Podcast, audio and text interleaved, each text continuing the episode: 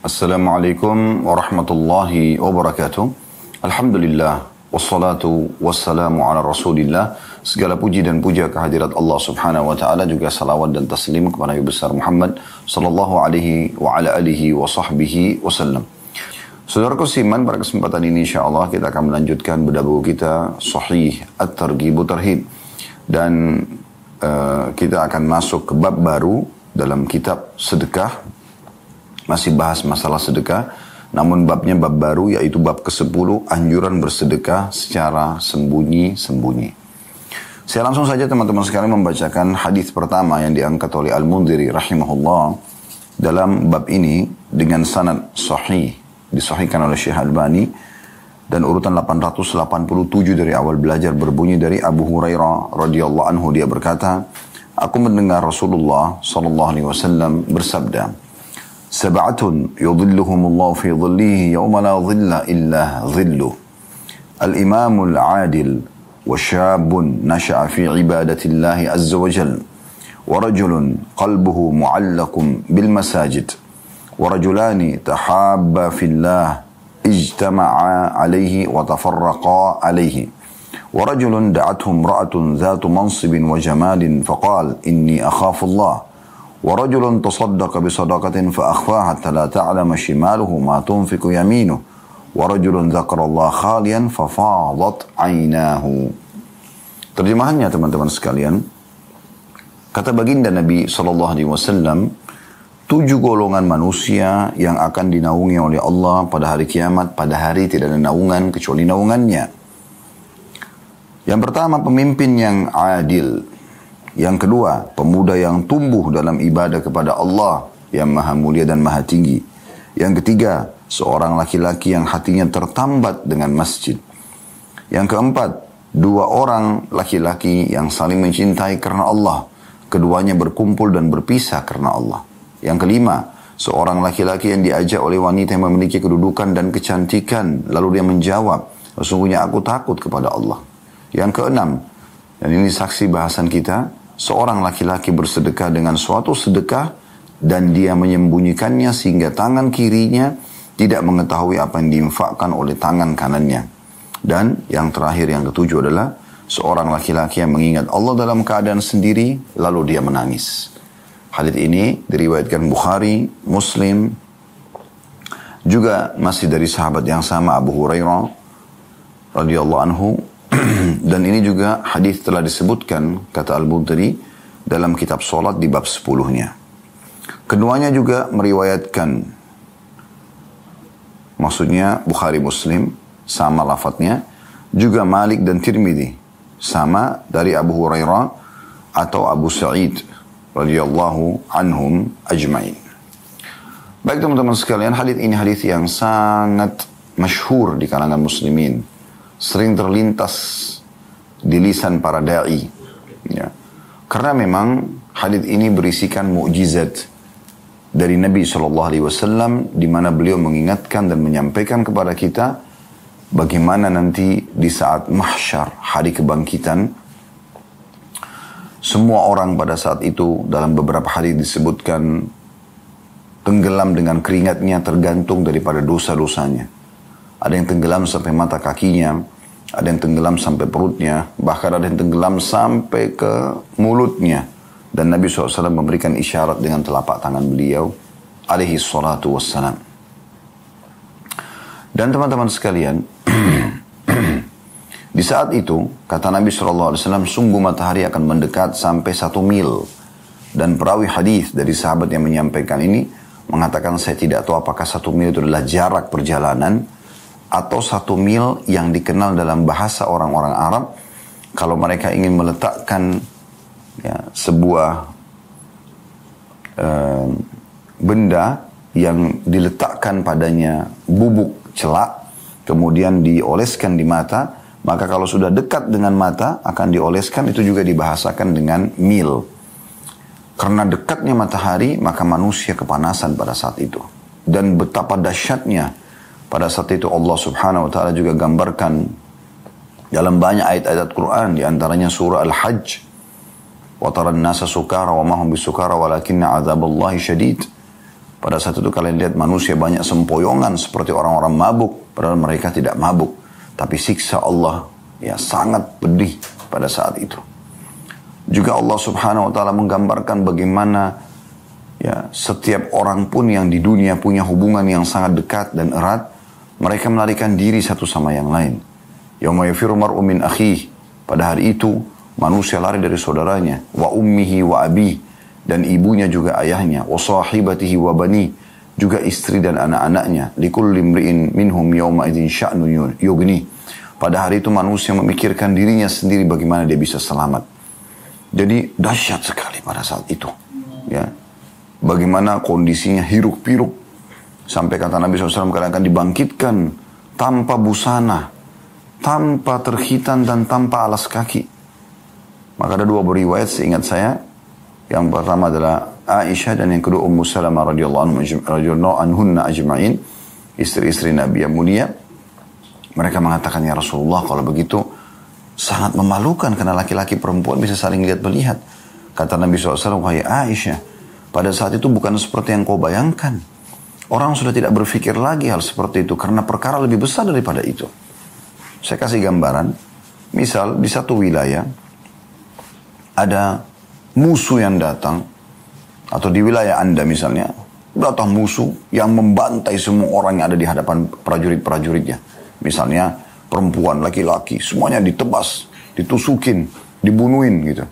Darah berserakan di sana sini, misal contoh. Manusia dalam kondisi ketakutan pada saat itu. Lalu kemudian ada lawan jenis Anda lari di depan Anda tanpa pak busana. Apakah Anda masih berpikir masalah syahwatnya? Sudah tidak lagi. Orang berpikir syahwat itu di saat dia lagi tenang. Tidak usah kita bicara seperti itu. Orang dalam kondisi sakit saja. Kemudian pasangannya mungkin dandan di depannya. Dia juga mungkin tidak terfikir untuk menyentuhnya. Karena dalam kondisi kejiwaan yang tidak tenang. Apalagi kalau hiruk-piruk akhirat nanti. Jadi dahsyat sekali. Dahsyat sekali. Cuma luasnya rahmat Allah luar biasa. Allah subhanahu wa ta'ala memberikan kesempatan kita untuk selamat di saat itu. Dan sudah diberikan bocorannya sekarang, selama di dunia. Termasuk Anda akan dengarkan pada siang ini dan tadi sedikit Anda sudah dengarkan terjemahannya. Anda bisa selamat di saat itu, tidak kena panasnya teriknya matahari, tidak terganggu dengan hiruk-piruknya manusia yang ketakutan, histeri pada saat itu, Anda terselamatkan. Karena Anda akan dinaungi oleh sang pemilik naungan satu-satunya, yaitu Allah Azza wa Jalla. Allah yang maha mulia dan maha tinggi. Tuhan yang saya yakin dialah yang mengizinkan kita sekarang untuk membahas ini dan dia mendengar semuanya, dia melihat semuanya dan dia maha mengetahui.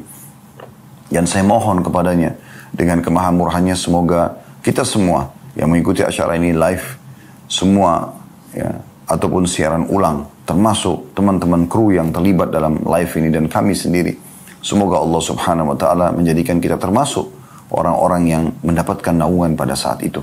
Karena tidak ada naungan lagi. Tidak ada tempat bernaung dari teriknya matahari. Ya. Tidak ada lagi tempat yang bisa kita merasa aman dari teriakan dan histeri orang pada saat itu. Ya. Pemandangan yang sangat ya, uh, menakutkan. Kecuali naungan Allah subhanahu wa ta'ala. Nah, di sini disebutkan ada tujuh golongan yang selamat pada saat itu. Tujuh golongan yang selamat pada saat itu.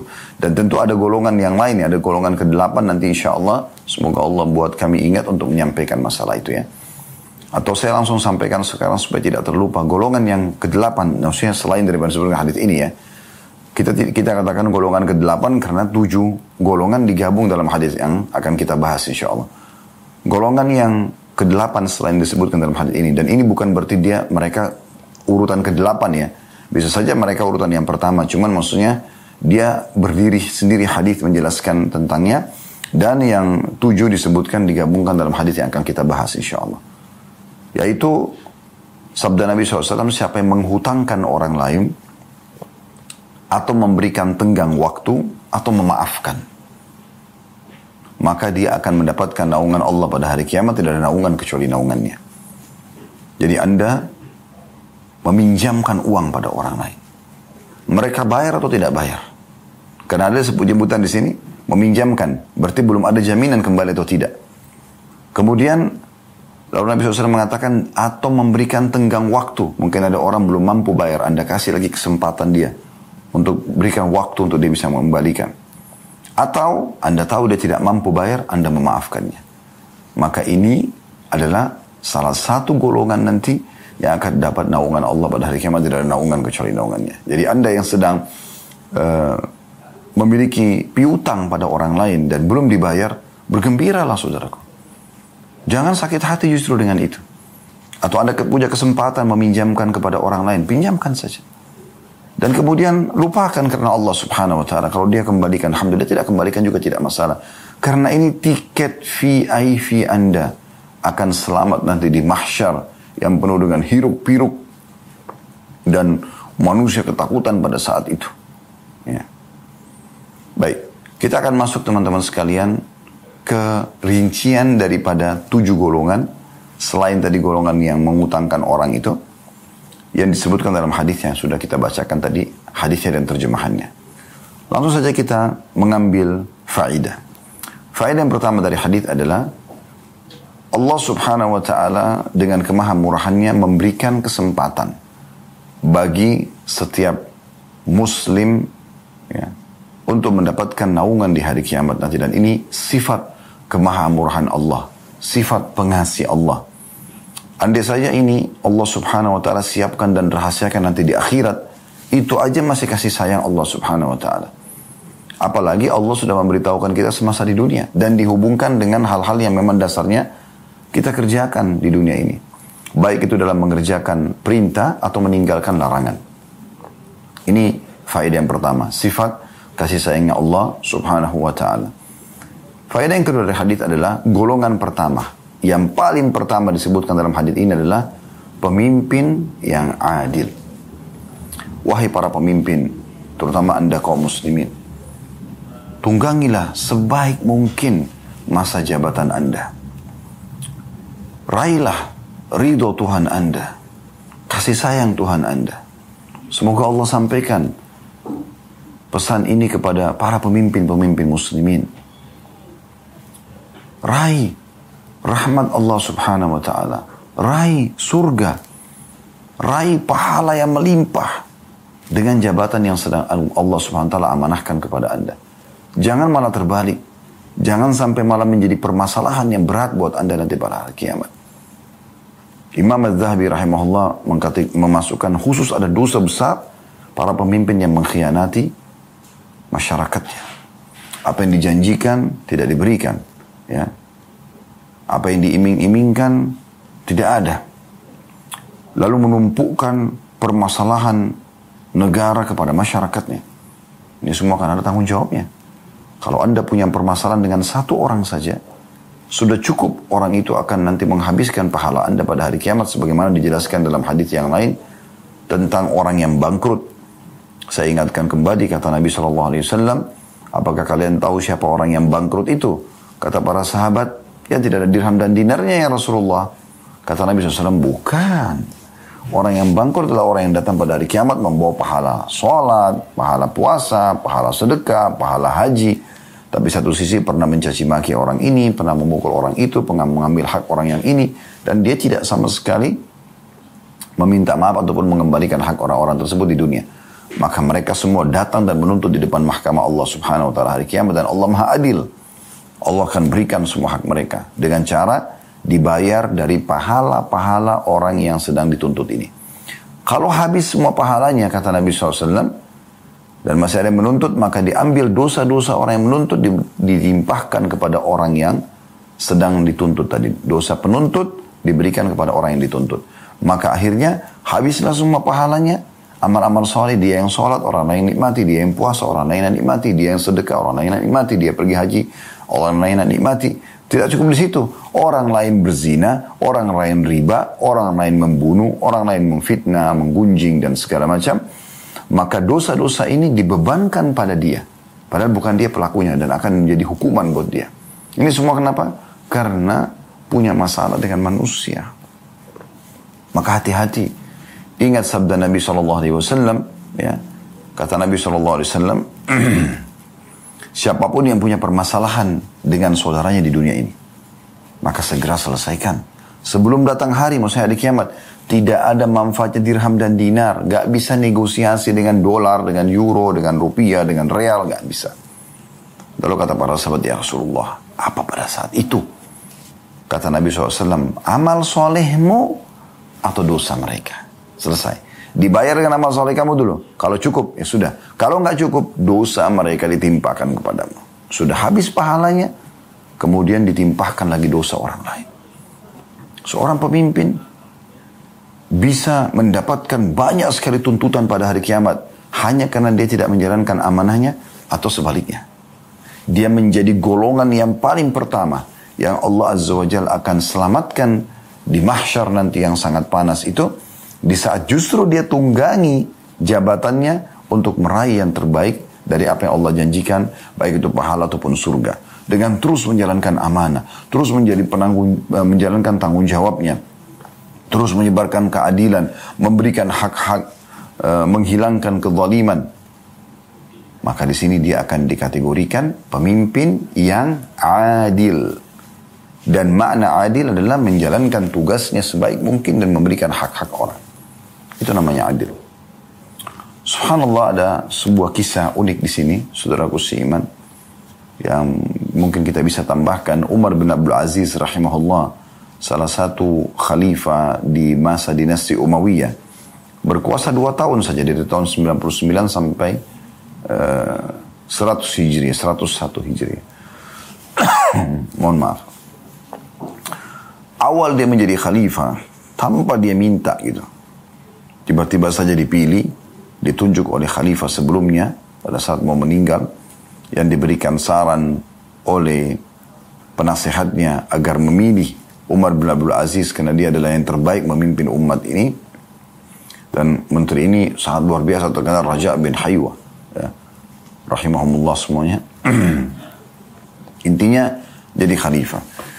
Setelah dia mengurus, setelah dinobatkan jadi khalifah, dia mengurus jenazah khalifah sebelumnya, Orang banyak salaman segala macam. Dari mulai habis pak subuh, sibuk sampai menjelang duhur. Dan semalam suntuk pun begadang, mengurus. Karena sudah ya ditunjuk jadi khalifah kemarinnya. Maka dia segera mengurus semua yang dibutuhkan. Siang hari, di hari pertama dia menjadi khalifah, dia sempat ingin istirahat dan dia bilang sama pengawalnya, saya ingin istirahat sejenak. Sampai asar, Selepas asar kita akan buka ya uh, keluhan masyarakat. Kita akan terima keluhan masyarakat. Yang punya masalah silakan sampaikan. Baru saya diletakkan kepalanya di ranjang. Allah karunia dia seorang anak yang sangat soleh. Tiba-tiba datang dan berkata kepada pengawal, saya ingin ketemu sama Amir Mukminin. Dia nggak bilang ayah saya. Maka kata pengawalnya, Ananda, ayahmu ini capek sekali. Dari semalam begadang, tadi pagi terus urus jenazah khalifah, yang yang lalu kemudian mengurus uh, menyambut tamu-tamu dan segala macam ya. Sampai duhur dan dia minta waktu istirahat saja. Duhur ke asar. Maka berikan kesempatan ayahmu untuk istirahat. Dia bilang tidak. Ada sesuatu yang darurat yang saya harus sampaikan maka terpaksa pengawal menyampaikan kepada Umar bin Abdul Aziz yang baru saja meletakkan tubuhnya di tempat tidur ingin istirahat kailulah istirahat siang. Pada saat disampaikan karena dia tahu anaknya yang datang maka dia sambut. Lalu kemudian anaknya mengucapkan setelah salaman, wahai Amir Mukminin, apakah anda istirahat? Kata ayahnya, anakku, saya dari semalam, ya, ayah dari semalam begadang Terus sampai pagi, sampai siang ini. Butuh istirahat sejenak. Selepas asar, ayah akan buka kesempatan seluas-luasnya. Siapa pun masyarakat boleh datang mengeluh.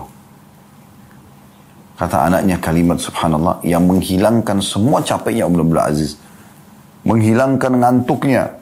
Dia mengatakan, wahai Amir Mu'minin, apakah ada jaminan Anda masih bisa hidup sampai asar nanti?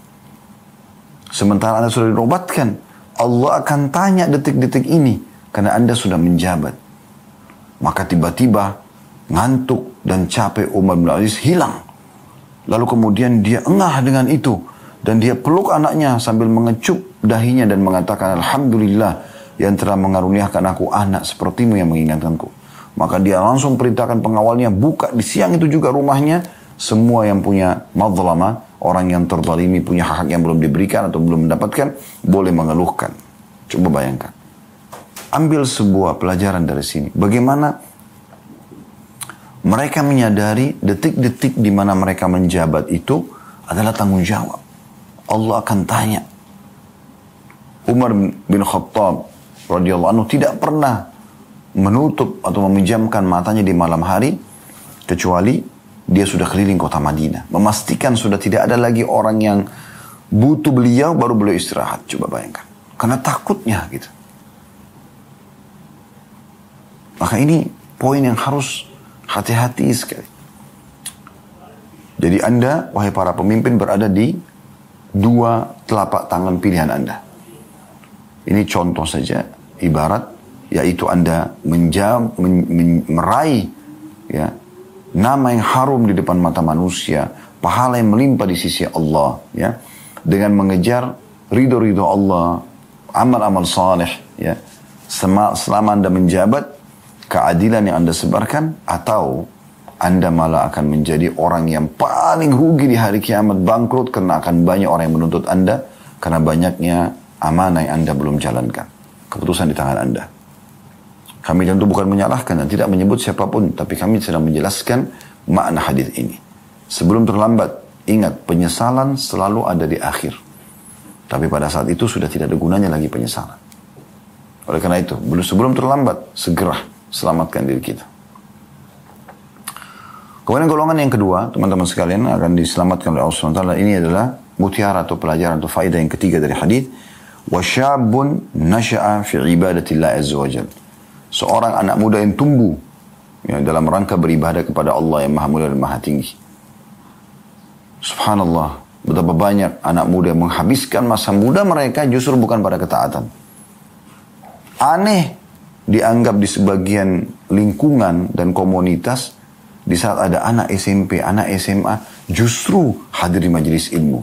Justru pergi sholat di masjid. Dianggap seperti belum masanya.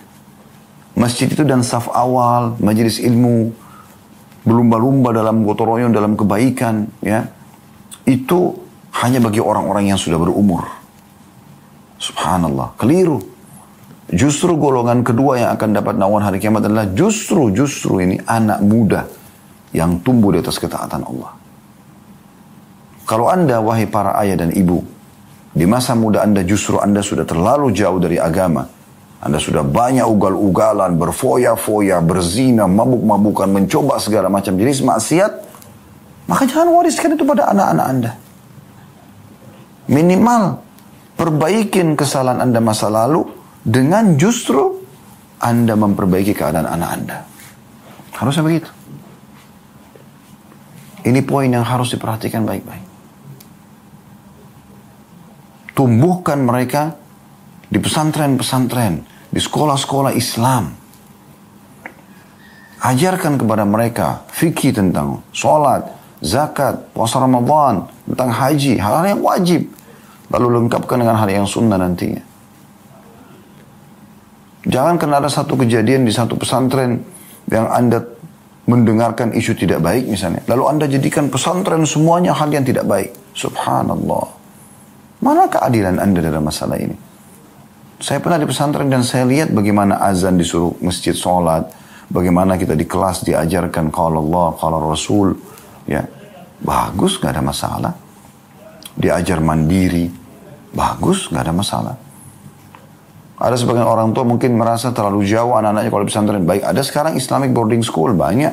Anggaplah tidak cuma mungkin dari pagi sampai menjelang maghrib misalnya. Full, ya, full day school misalnya. Oke, okay, bagus. Atau dia nginap, ya. Cuman mungkin di dalam kota dekat Anda supaya Anda bisa melihatnya. Oke, okay. tapi jangan jauhkan dari agama Islam. Jangan jauhkan dari pendidikan. Biarkan mereka tumbuh di atas ketaatan mereka jadi tahu, oh ternyata tujuan saya itu memang untuk ibadah kepada Allah. Nah itu. Ini malah ibunya sama ayah mengatakan, tidak apa-apa nak, ibu sama ayah juga dulu begitu kok. Loh, kok aneh ini ya? Ibunya hamil di luar nikah, anaknya juga boleh hamil di luar nikah. Bukti disuruh pacaran, gak ada masalah. Malah diizinkan jalan dengan pacarnya. Pacaran sebelum nikah sama dengan berzinahan. Kenapa nggak biarkan di atas ketaatan Allah subhanahu wa ta'ala? Ada sebagian orang tua gelisah di saat anaknya jadi soleh di masa mudanya. Subhanallah. Apakah anda sudah tahu kalau Khadij ya, Rafi bin Khadij radhiyallahu anhu. Ini adalah seorang sahabat berumur 13 tahun yang menunjukkan keterampilan panahnya kepada Nabi SAW agar bisa ikut di perang Uhud 13 tahun. Nah 13 tahun kita sekarang anggap seperti anak baru kelas 1 SMP dianggap kecil. Subhanallah. Mereka sudah dilibatkan oleh orang tuanya dalam kegiatan-kegiatan yang aman soleh.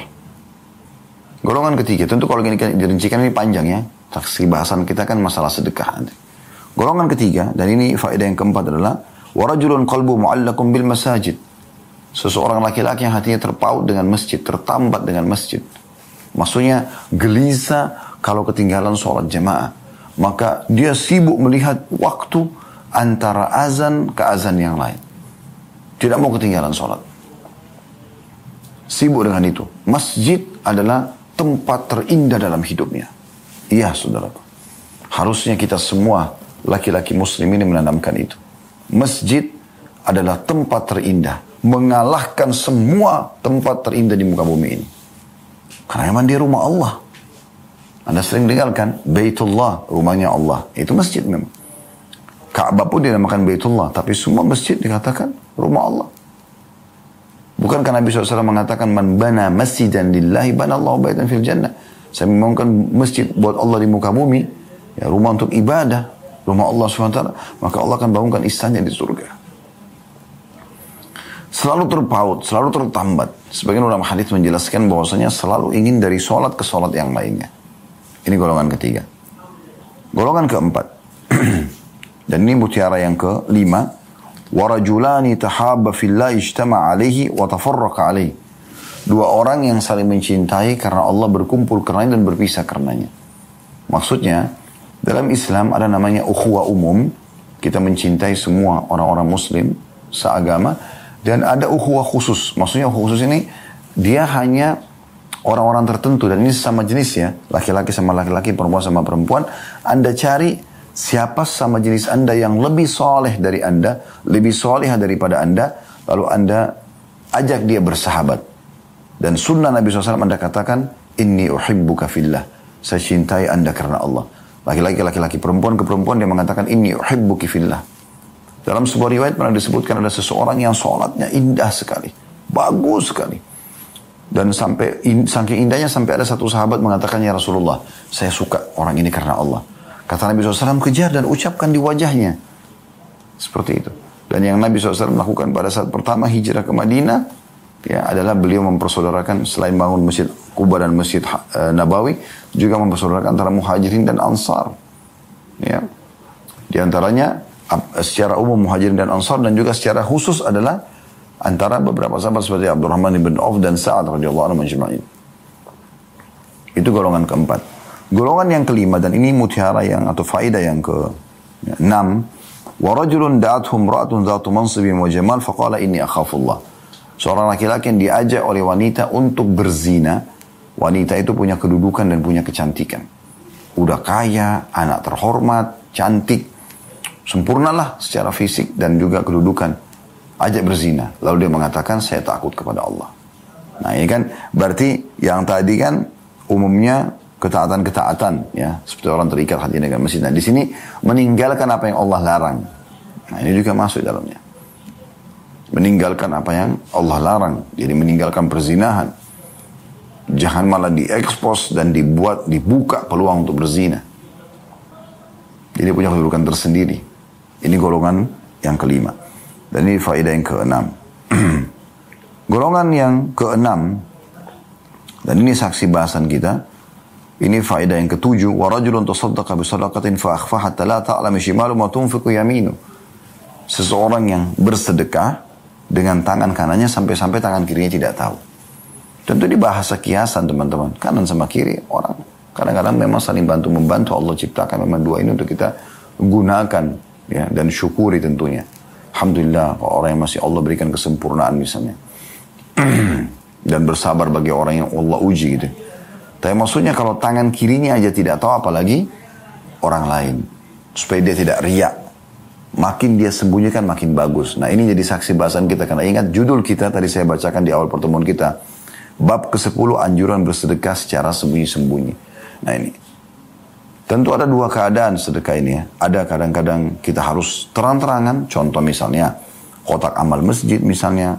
Memang pasti ada orang yang melihat gitu kan kalau, kita memberikan. Atau ada misalnya orang minta di pinggir jalan, tiba-tiba dia minta. Maka Anda ya kasih ke dia. Depan umum, karena kalau Anda tidak kasih mungkin dia pergi, Anda tidak punya peluang lagi memberikan sedekah kepada dia. Nah ini terang-terangan tidak ada masalah. ya Atau Anda sembunyikan di saat memang ada orang yang datang hubungin Anda misalnya via WA, via telepon, butuh bantuan lalu Anda bantu dia. Dan tidak ada orang tahu. Ya sudah antara anda sama Allah SWT. Tidak usah diekspos. Nah ini. Jadi memang kondisinya ada kadang-kadang terang-terangan. Kadang-kadang ada juga yang sembunyi-sembunyi. Tapi yang sembunyi-sembunyi jauh lebih afdal. Kena akan aman dari ria.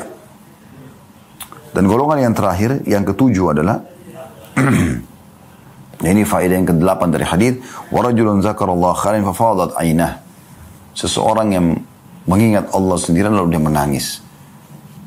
Dia mengingat dosa-dosanya, kemudian dia takut Allah hukum, takut masuk neraka, takut dikubur, lalu dia menangis karena Allah, dia tobat.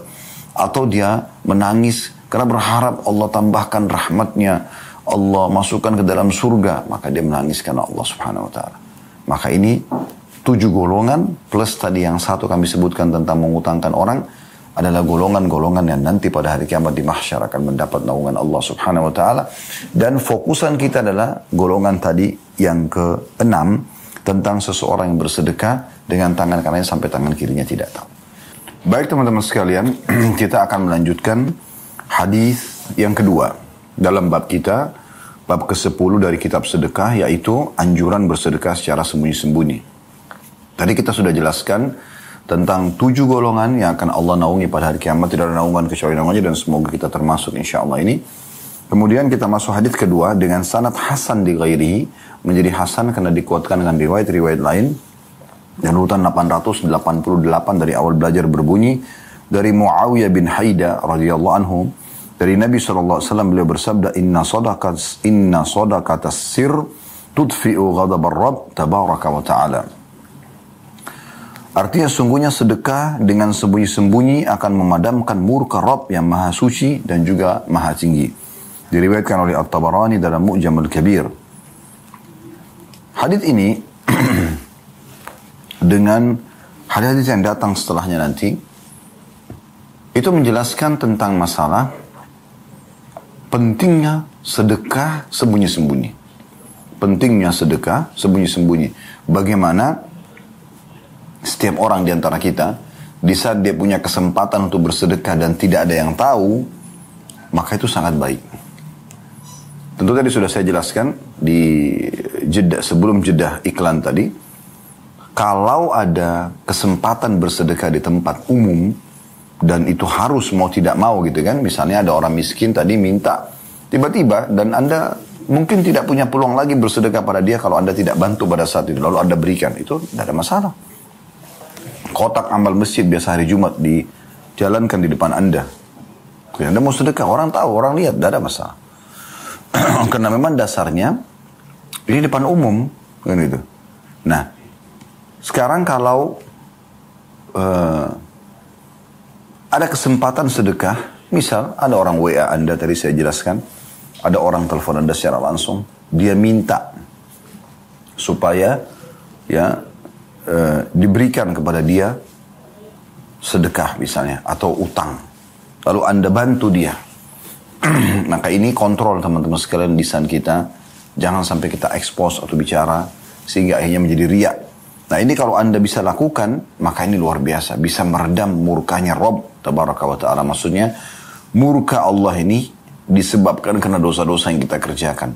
Jadi hukuman yang bisa saja datang kepada kita karena perbuatan dosa yang kita lakukan itu, itu akan ya, hilang karena sedekah.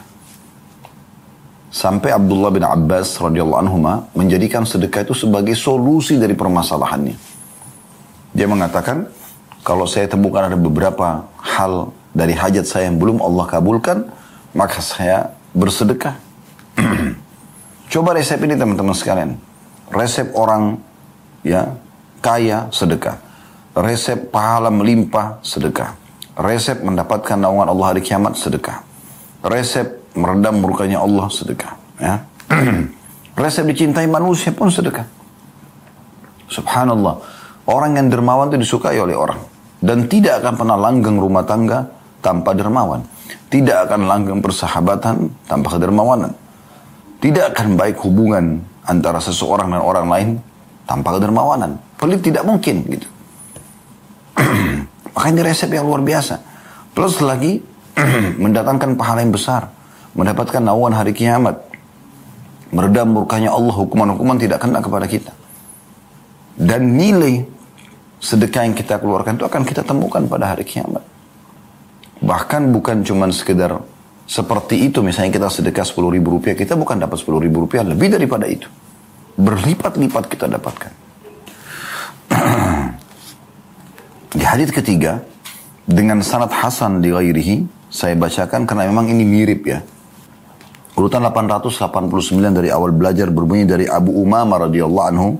Dia berkata, Rasulullah SAW bersabda, Sana'ul ma'rufi taqi masari as-su' وصدقة السر تطفئ غضب الرب وصلة الرحم تزيد في العمر Berbuat kebaikan itu melindungi dari penyebab kematian yang buruk. Sedekah dengan sembunyi-sembunyi memadamkan murka Rabb dan silaturahim menambah umur. Hadis ini diriwayatkan Tamarah dalam Mu'jamul Kabir dengan sanad Hasan. Mohon maaf. Hadis ini menambahkan informasi lagi keutamaan-keutamaan yang bisa didapatkan. Faedah pertama dari hadis adalah sekaligus kita hubungkan dengan hadis yang nomor dua tadi ya, bahwasanya semua amal kebaikan kalau anda sibukkan diri dengan amal-amal saleh akan menyelamatkan dari su'ul khatimah, mati yang buruk. Misalnya ada sibuk dengan sholat, ada sibuk dengan sedekah dan seterusnya maka itu akan menyelamatkan anda dari mati yang buruk. Dan ada sebuah hadis Nabi SAW yang berbunyi, kurang lebih maknanya siapa yang terbiasa dengan satu amalan, Allah akan tutup hidupnya dengan amalan itu. Misal Anda terbiasa dengan satu jenis amal soleh, sedekahlah, baca Quran, lah, sholat, maka Allah tutup dengan itu. Untuk memberikan gambaran ke manusia kalau orang ini baik. Sebaliknya, sehebat apa pun Anda mengemas, menyembunyikan kebobrokan Anda, kemaksiatan Anda, semoga Allah selamatkan kita, maka Allah akan bongkar dan Allah akan buat Anda tertutup hidupnya dengan itu. Nah, salah satu yang membuat mati yang baik adalah sedekah, rutin bersedekah. Itu juga dengan amal-amal soleh yang lain. Karena sini dikatakan berbuat kebaikan itu melindungi dari penyebab kematian yang buruk. Dinukil sebuah kisah, kisah nyata terjadi di Saudi. Dua orang anak muda janjian. Dua-duanya pakai mobil. Janjian menuju ke satu tempat. Subhanallah, pas mereka janjian, si A sama si B tidak disebutkan namanya, tapi si A ini jalan. si B ini melihat di pinggir jalan ada seorang kakek tua atau ibu tua ya, saya lupa kisahnya, tapi uh, dia lihat ada orang yang miskin memberikan isyarat minta bantuan. Lalu dia berhenti. Dan dia kasih sedekahnya. Setelah selesai, dia kejar temannya supaya bisa bersama-sama tiba di lokasi. Tanpa dia sangka, rupanya terjadi gempa dan jalan yang mereka lewatin dia sama temannya, temannya sudah lebih dulu gitu itu pecah. Dan mobil temannya masuk ke dalam satu lubang yang membuat temannya meninggal di tempat. Dia pada saat itu dari jauh, dia turun dari mobilnya dan dia lihat temannya sudah wafat. Subhanallah dia mengatakan, Maha suci Allah. Yang telah menyelamatkan aku dari musibah ini, karena tadi aku bantu orang itu. Jadi subhanallah amal soleh itu betul-betul luar biasa ini. Dan amal soleh itu indah teman-teman. Kenapa anda tidak lakukan? Kenapa anda tidak mengerjakan amal soleh itu? Membawa pada husnul khatimah. Faedah yang kedua dari hadis. Sedekah itu secara khusus ya akan meredam murkanya sang pencipta Allah. Maksudnya hukuman-hukuman Allah akan terselamatkan dari Anda. Anda tidak akan tertimpa hukuman tersebut karena Anda bersedekah. Kemudian faedah yang ketiga adalah wasilatul rahim tazidu fil umur sering melanjutkan hubungan silaturahim dengan sanak kerabat akan menambah umur itu. Tentu di sini banyak pendapat ulama tentang masalah menambah umur ini. Tapi yang kami pernah temukan ada pendapat Ibnu Taimiyah rahimahullah. Beliau mengatakan dimaksud adalah bukan bertambah secara angka. Karena kan Allah sebutkan dalam beberapa ayat Al-Qur'an, "Fa idza ja'a ajalum la yastakhiruna sa'atan wa la yastaqdimun."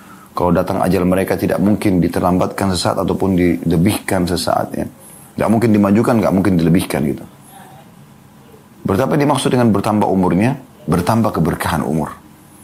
Jadi kalau kita temukan si A 70 tahun, si B 70 tahun, si A ini selalu silaturahim. Terutama yang punya hubungan kerabat dengan dia. Karena rahim orang yang punya hubungan darah, kekerabatan.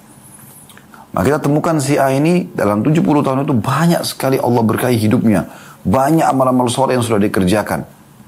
Sementara si B tidak seperti itu. Nah itu maksudnya Allah tambahkan keberkahan di dalam umurnya. Hadis terakhir teman-teman sekalian dalam bab kita ini Hasan di ghairihi agak mirip dengan tadi tapi ada tambahan tentunya menjadi hasan karena dikuatkan dengan riwayat-riwayat lain. Dan ini urutan 4 di bab ini. Dan ini hadis terakhir di sini. Urutan 890 dari awal belajar berbunyi dan diriwayatkan juga dari Ummu Salamah radhiyallahu anha dia berkata Rasulullah SAW bersabda Sana'ul ma'rufi taqi masari as-su wa sadaqatu khafiyyah tudfi'u ghadab ar-rabb wa silatul rahimi tazidu fil umur wa kullu ma'rufin sadaqah wa ahlul ma'rufi fid dunya hum ahlul ma'rufi fil akhirah Artinya, berbuat kebajikan itu melindungi dari penyebab kematian yang buruk. Sedekah secara sembunyi-sembunyi memadamkan murka Rob. Silaturahim menambah umur. Semua kebaikan adalah sedekah. Para pemilik kebaikan di dunia adalah pemilik kebaikan di akhirat nanti. Hadis ini teman-teman sekalian mirip dengan tadi ya.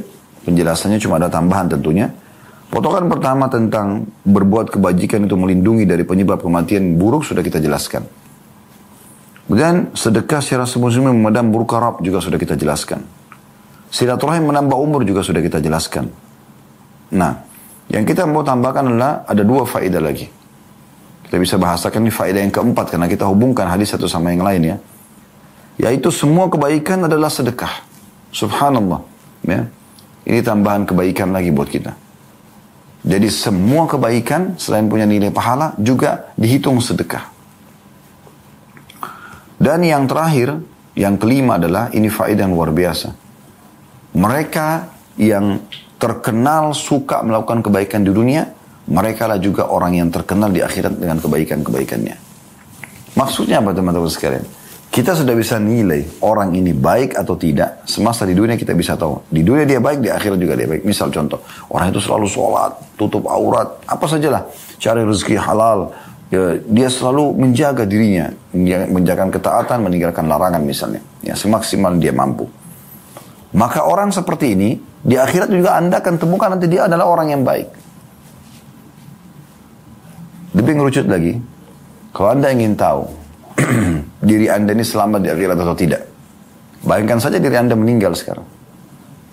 Kalau Anda wafat sekarang, kira-kira perkataan orang tentang Anda apa? Baik atau buruk? Kalau orang mengatakan, misalnya Anda meninggal sekarang, orang mengatakan, oh si fulan itu Masya Allah, selalu sholat, bakti sama orang tuanya, suka sedekah, hadir dan majelis ilmu, apalah ya, membantu sesama orang, menjenguk orang sakit dan segala macam. Misal. Maka Anda sudah tahu, insya Allah Anda baik itu. Tapi di saat Anda bayangkan Anda meninggal dan ada ada orang yang akan berbicara, oh syukur si fulan itu meninggal. Kenapa? Karena memang dia buruk. Maka berarti ini keburukan. Tentukan jalan kita. Pernah ada seorang khalifah bertanya kepada seorang ulama tabi'in. Kalau saya tidak salah ini Salama bin Dinar. Ya. Saya tidak ingat benar namanya, tapi kalau tidak salah. Ditanya oleh seorang khalifah, kira-kira saya ini di mana kedudukan saya nanti di akhirat? Maka beliau mengatakan, letakkan diri anda pada firman Allah subhanahu wa ta'ala. Innal abrara lafi na'im. Wa innal fujara lafi jahim. Orang-orang yang patuh kepada Allah pasti di, di, kenikmatan surga. Orang-orang yang fajir, maksiat, durhaka, durjana akan masuk ke neraka. Selesai. Anda lebih tahu dari Anda. Kalau Anda selama ini menjadi orang yang abrar, orang yang suka patuh kepada Allah SWT, mengerjakan perintah, meninggalkan larangan, ya. Amr ma'ruf nahi mungkar misalnya. Anda akan di surga. Janji Allah pasti benar.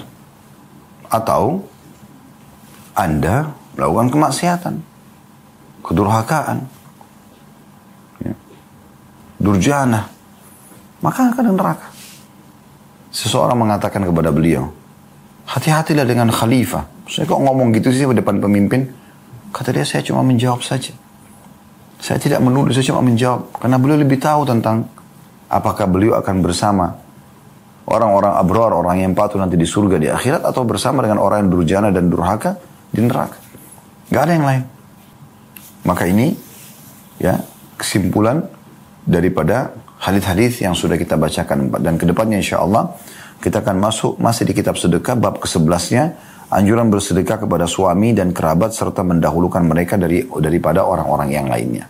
Jadi ada bahasan sendiri tentunya eh, hadis di situ ya ada empat buah hadis juga insya Allah yang akan kita bacakan nanti ke depannya. Kalau ada benar dari Allah, udah dari saya mohon dimaafkan. Subhanakallah bihamdika. Asyhadu an la ilaha illa anta astaghfiruka wa atubu ilaik. Wassalamualaikum warahmatullahi wabarakatuh.